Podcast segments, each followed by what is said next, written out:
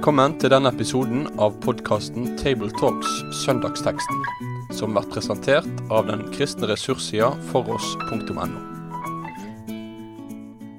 Ja, velkommen til en gjennomgang av eh, teksten for pinsedag, Johannes eh, kapittel 14. Jeg heter Svein Graner og sitter her sammen med Asbjørn Kvalbein og Egil Sjåstad. Og Vi skal se litt på den teksten sammen. og Det er altså pinsedag. Det er en spesiell dag å skulle både lytte og tale på. Og I år så er det altså en tekst fra Jesu avskjedstale, Johannes evangeliet, som eh, tar oss inn i, i pinsebudskapet. Nå skal vi lese den sammen, fra Johannes 14 og fra vers 22. Judas, ikke Judas Iskariot, sier til ham, Herre, hvor, hvorfor skal du åpenbare deg for oss og ikke for verden? Jesus svarte, Den som elsker meg, vil holde fast på mitt ord, og min far skal elske ham, og vi skal komme og bo hos ham. Den som ikke elsker meg, holder ikke fast på, ord, på mine ord. Det ordet dere hører, er ikke fra meg, men fra Far, Han som har sendt meg. Og dette har jeg sagt dere mens jeg ennå er hos dere. Men talsmannen, Den hellige ånd, som Far skal sende i mitt navn, han skal lære dere alt og minne dere om alt det jeg har sagt dere. Fred etterlater jeg dere. Min fred gir jeg dere, ikke den fred som verden gir. La ikke hjertet bli grepet av, grepet av angst og motløshet. Dere hørte at jeg sa, jeg går bort og jeg kommer til dere igjen. Hvis dere elsket meg, var dere glade for at jeg går til far, for far er større enn jeg. Nå har jeg sagt dere dette før det skjer, for at dere skal tro det når det skjer. Slik lyder altså det hellige evangelium på pinsedag, så vi får ikke lov å preke om Peter og pinseprekenen i år, eh, men vi skal altså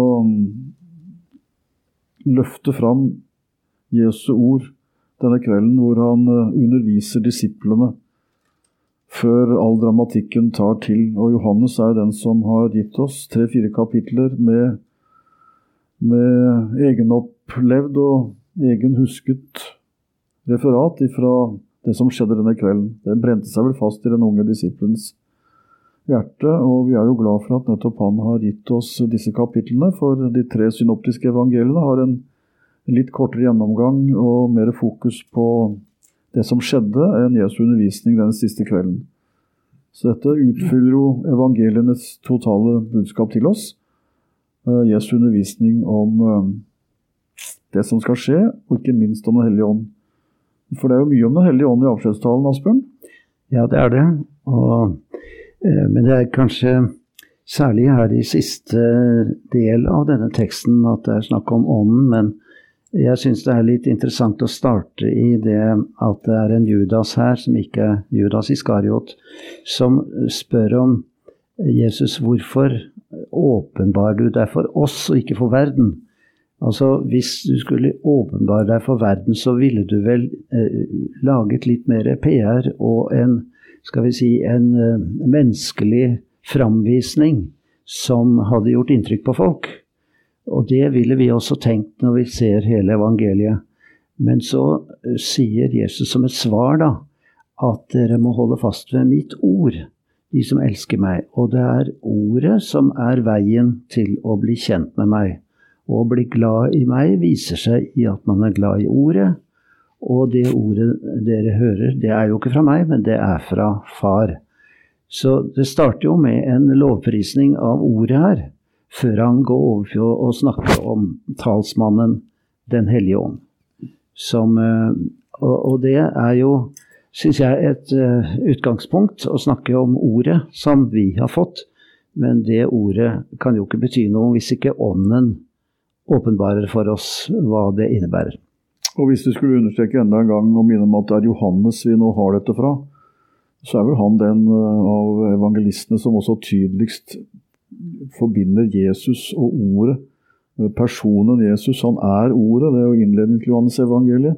Og så understreker han her så mye at vi skal høre ordet. Så her er vel Johannes den som aller tydeligst løfter fram akkurat det anliggende her. Ja, og det er jo ganske underlig, fordi at ordet var jo kanskje ikke så raskt samlet som en skriftsamling, som Bibel. Så det var et tradisjonsord muntlig som etter hvert ble skriftlig. Men det gjelder å holde fast ved. Og det gjorde jo apostlene ved å lage og skrive skriftene. Lukas var historiker, la vekt på å få med alt, og de forskjellige satte sitt preg på en beretning. Men alt i alt så ble dette ordet som vi kan holde fast ved. Hva er det du ser når du åpner Bibelen her, Egil? Ja, da tenker jeg på det at eh, nettopp ved dette ordet da, og budskapet, så, så kommer Det hellige ånd. Eh, ånden er tematikk eh, litt lenger oppe, altså før teksten vår. At jeg vil be Faderen, og han skal gi dere en annen talsmann, for at han skal være hos dere for evig. Og så utdypes dette, sånn tolker jeg det i vers 23. Eh, da holder han mitt ord, og min far skal elske ham, og vi skal komme til ham. Så vi, det være Jesus og Faderen, og ta bolig hos ham. Og bolig, det at han tar bolig i oss, det skjer ved Den hellige hånd. Så altså, treenigheten er inne i bildet i dette 'vi' i vers 23. I og med at Ånden er en hovedperson i disse avskjedstalene. Ja, for treenighetstanken den, den, får jo nesten sitt teologiske fundament i Jesu avskjedstale. Ja. Eh, I hvert fall i Jesu forkynnelse. Det syns jeg blir veldig interessant å se, for det er jo tre-fire ganger, fem tror jeg i hvert fall, at det henvises til ånden her. Gjennom både kapittel 14 og 15 og 16. Og talsmannen brukes minst fem ganger. Ja. Og det er jo da veldig tydelig personalt uttrykt. Han er en person. Talsmannen, Den hellige ånd, som Faderen skal sende, han skal lære dere. Så Jesus omtaler Ånden som en person. Eh, og eh, når vi skal ta bolig hos den som tror, Faderen og Sønnen, så er talsmannen den som bærer treenigheten inn i hjertene våre. altså. Det er kanskje lurt hele veien å minne folk på stadig at Den hellige ånd er en person og ikke en porsjon. Det blir fort at han knyttes til stoff og kraft og, og virkningseffekt, eh, mer enn at vi ser han som en person. Og det blir fort en annen teologi om ånden hvis, hvis det er porsjonen vi er ute etter, å få mer og mer. Han er en person som har tatt bolig hos meg. At han så kan merkes mer eller mindre, det er en annen sak. Men eh, jeg har ikke lyst til å preke sånn at folk kan få føle at hvis du hører veldig godt etter, skal du få påfyll. Jeg vil ta det om personen. Og Det er jo veldig link mellom ånden og ordet også i måten talsmannen omtales på. Eh, de verb som brukes. Han skal lære dere, han skal minne dere, han skal herliggjøre meg, han skal forkynne det han ser av meg for, for, å, for å forkynne dere, osv. Så, videre. så det er sterkt sentrale gjerningsord knytta til denne ånden som da tar ordet med seg og åpenbare det for hjertene våre. Så uttrykket talsmann eller talsperson det passer jo veldig godt da, for en som har en sånn funksjon som du nå beskriver? Ja, det er jo ofte sagt at det er et eh, uttrykk for en advokat, en talsmann. Og det er jo, for å bli det bildet, så er det jo det å føre en rettssak og det å kjøre en, en sak, det er ikke så lett for noen av oss, men vi tilkaller en som står ved vår side. Eh, men det er så mye mer enn en advokatus, som det er eh, beskrevet som her. Det er en som er eh, trøster, og ja, du sa det så fint, Egil, oppfylt ved de verbene som skildrer ham, hva han gjør. Og dermed så har vi jo en hel preken å kunne snakke om hvem er Den hellige ånd. Og jeg syns det er så viktig, som dere sier, at vi må få fram at det er en person som vi tror på, og som er eh, likestilt i treenigheten. Han var med allerede da verden ble skapt. Guds ånd svevde over vannene. Og så er han eh, helt eh, til siste slutt en store støtte og talsmann og trøster og påminner for Guds kirke og Guds menighet i denne verden. Jeg har venta til å bruke uttrykket 'å tale en annens sak' som tolkning av begrepet talsmann.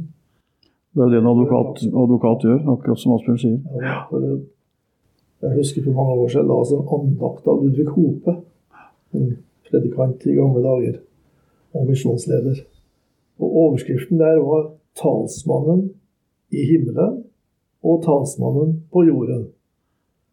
Og Det var jo akkurat i pakt med, med tekstene om talsmenn da, i Det nye testamentet. Jesus er talsmannen i himmelen. Han er det nå, for meg. Taler min sak. Han taler altså andres sin sak, men det er min sak han taler overfor Gud. Og Ånden er talsmannen på jorden. Han taler Guds sak overfor oss.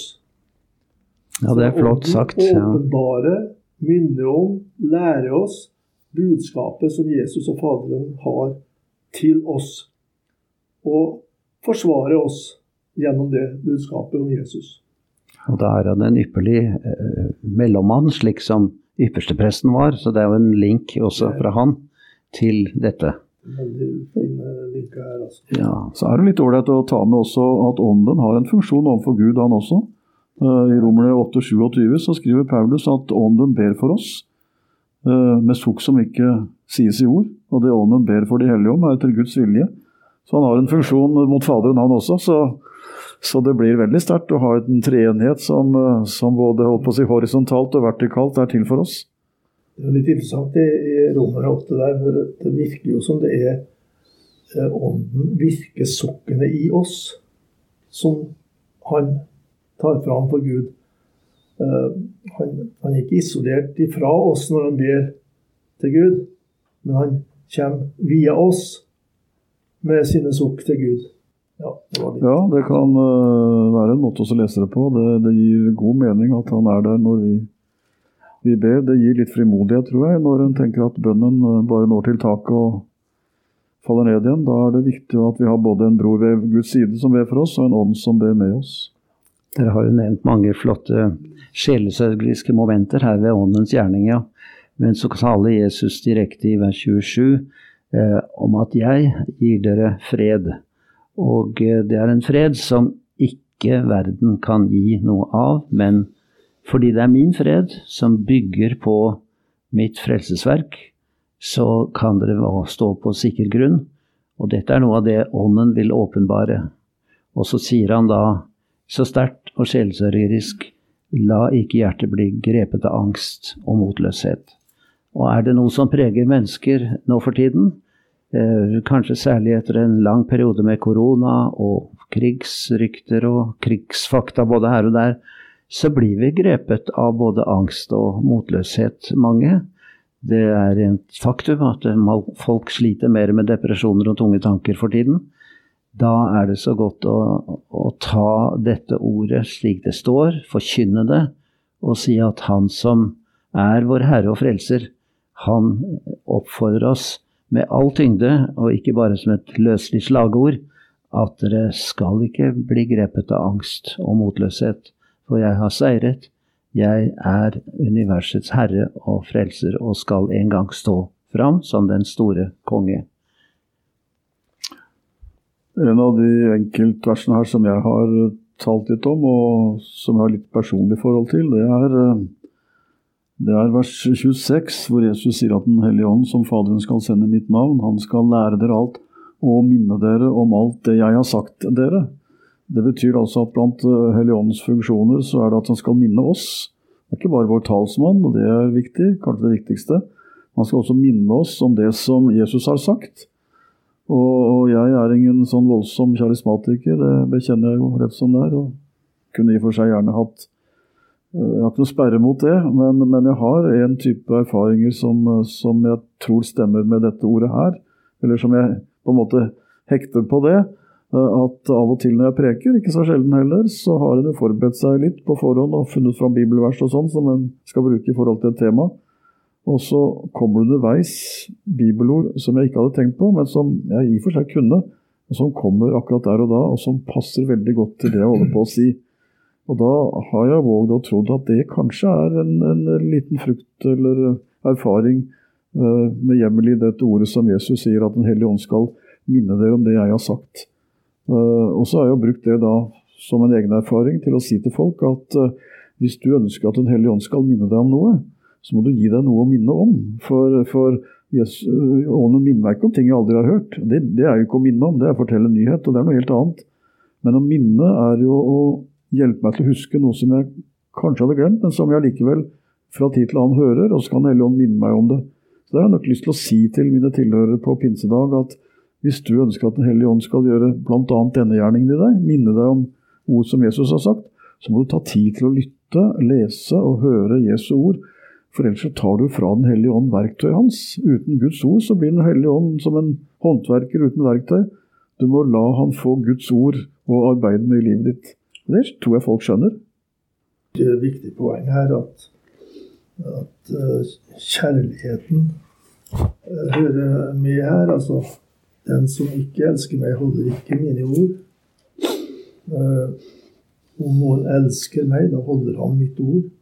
Og min far skal elske ham. Så det er en inderlighet i trosforholdet her som kanskje kommer til uttrykk på den måten du skildrer det også, Svein. At en har en et indre samfunn med, med, Gud, med Jesus og med Den hellige ånd.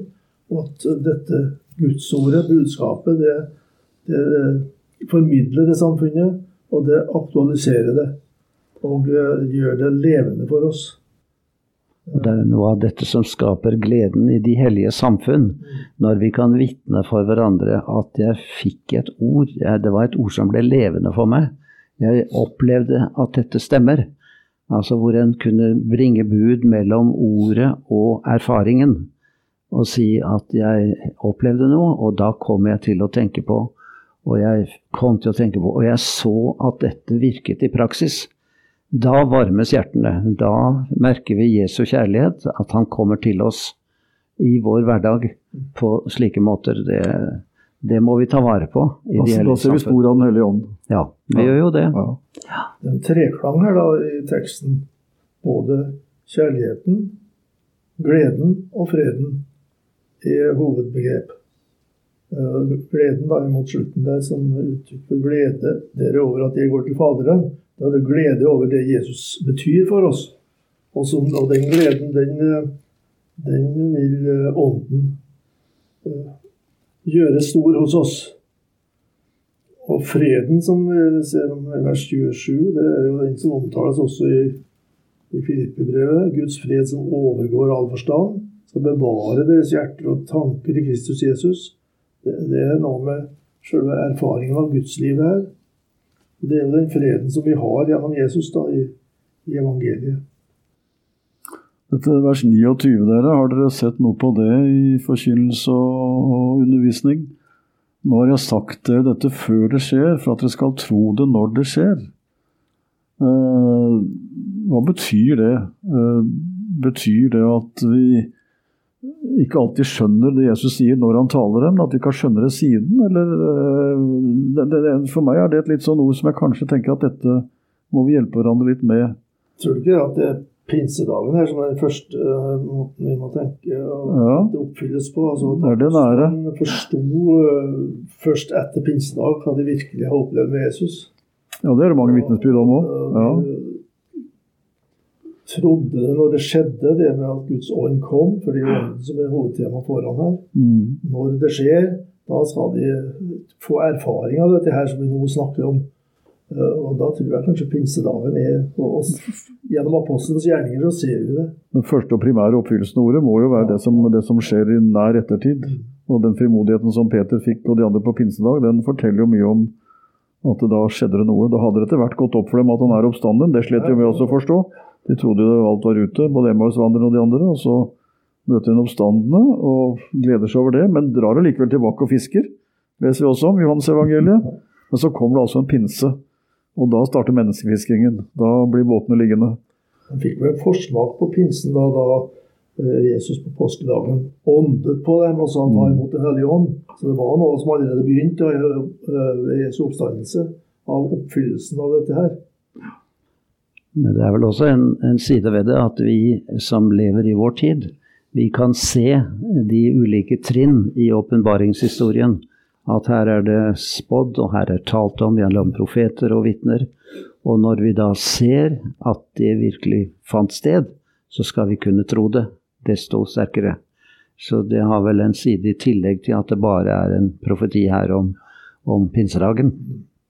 Jeg tenker også det at vi har lov å bruke det ordet på to nivåer. Det ene er det som Egil opplagt har rett i, at, at det går på den nære oppfyllelsen av Guds løfter, som de på en måte har slitt med helt se rekkevidden av. Men når pinsen kommer, da, da ser de det.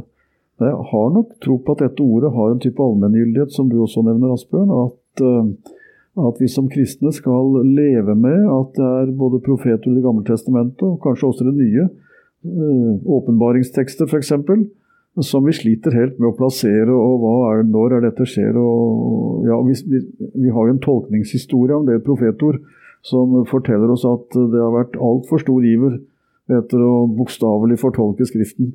Og da har det for meg vært litt frigjørende på en måte at Jesus sier dere får holde fast på det, høre det jeg har sagt, og tro det jeg har sagt, men jeg skal forstå det når det skjer. Jesus forutsetter ikke at jeg hele veien skal forstå det da, men jeg skal forstå det når det skjer. Det må jo bety at da skal jeg holde visshet om det han har sagt, jeg skal huske det han har sagt, og skal ha øynene åpne. Øynene åpne. Huske ordet og ha øynene åpne. Men det kan også være vi ikke skal tenke for mye i en sånn tidsrekkefølge her. fordi jeg syns det er et interessant eh, poeng det at man snakker om Johannes' åpenbaring og den siste tid. Den taler om fremtiden, sier vi. og Der kan vi legge det til side inntil det skjer.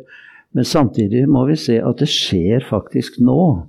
Altså med både forfølgelse og frafall og trengsler og krig og Det er bare ikke alt skjer her i Norge, det skjer ikke i Europa engang, men det skjer i mange forskjellige kulturer og tider.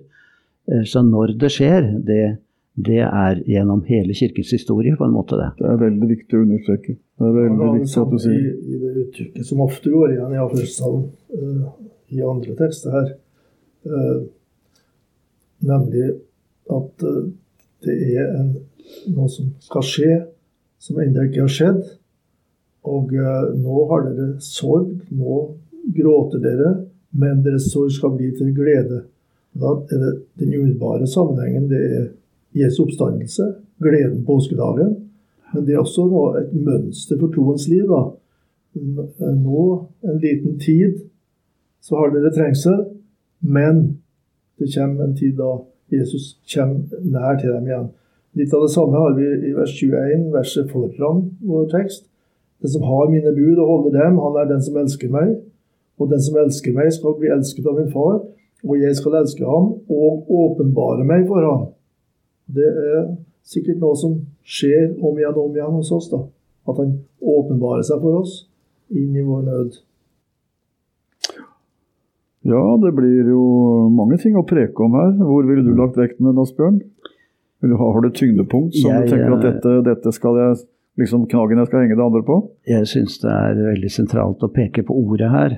Jeg er som du kanskje ikke den store bekjennende karismatiker, men eh, den, jeg er karismatiker i den forstand at jeg tror på Den hellige ånd, men Den hellige ånds verktøy er ordet, som jo er halve teksten her i begynnelsen.